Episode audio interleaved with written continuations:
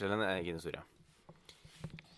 Ja, da er vi i studio i NRK her, oppe på hytta, og vi har fått med oss Nikolai. Vil du si kort hvem du er? Jeg er um, Hva? Si kort hvem du er. Jeg er Nikolai Setne Kjellum. Jeg er født i 2013, seks år, og født i 12. mars. Nei, bursdag 12. mars. 12. mars. Og nå skal du fortelle en historie til oss. Er du klar til det? Ja. Ok, da kjører vi på. Det var en gang to gutter. De skulle i skogen og hogge ved. Um, den ene het Hoggegutten. Det var Thomas. Um, og den ene het Bueskytteren. Det var deg. De skulle hogge ved. Han brukte pilla sin. Han brukte mm, hoggen sin, øksa si. Så hogde de og hogde og hogde og hogde og hogde. Til slutt så ble de så slitne. Og da Og da sa um, pilabumannen kan vi, kan vi hvile litt, sa bymann. Og dag, da de, da de sovna, da kom det et skikk Da kom det en bjørn. Nei, et, en klovn om bjørn.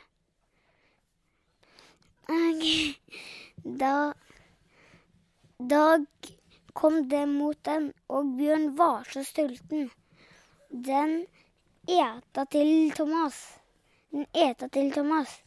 Jeg heter Hoggemann. Og dag, da plutselig våka, to- våknet begge to, og da akkurat i dag Bjørn skulle spise Thomas, så våkna Chris og skjøt den i hjertet. Så kom Thomas opp. Hva som skjedde? sa Thomas.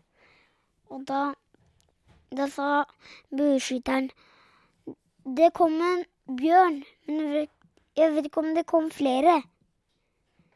Og så kom, og så kom klovnen, og da sovna Thomas igjen.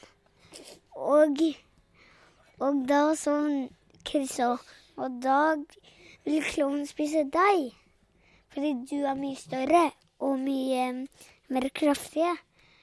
Og da, og da våkna Thomas og tok øksa og kappa av. Snipp, snapp, ute. Det var eventyret ute. Tusen takk. Tusen takk.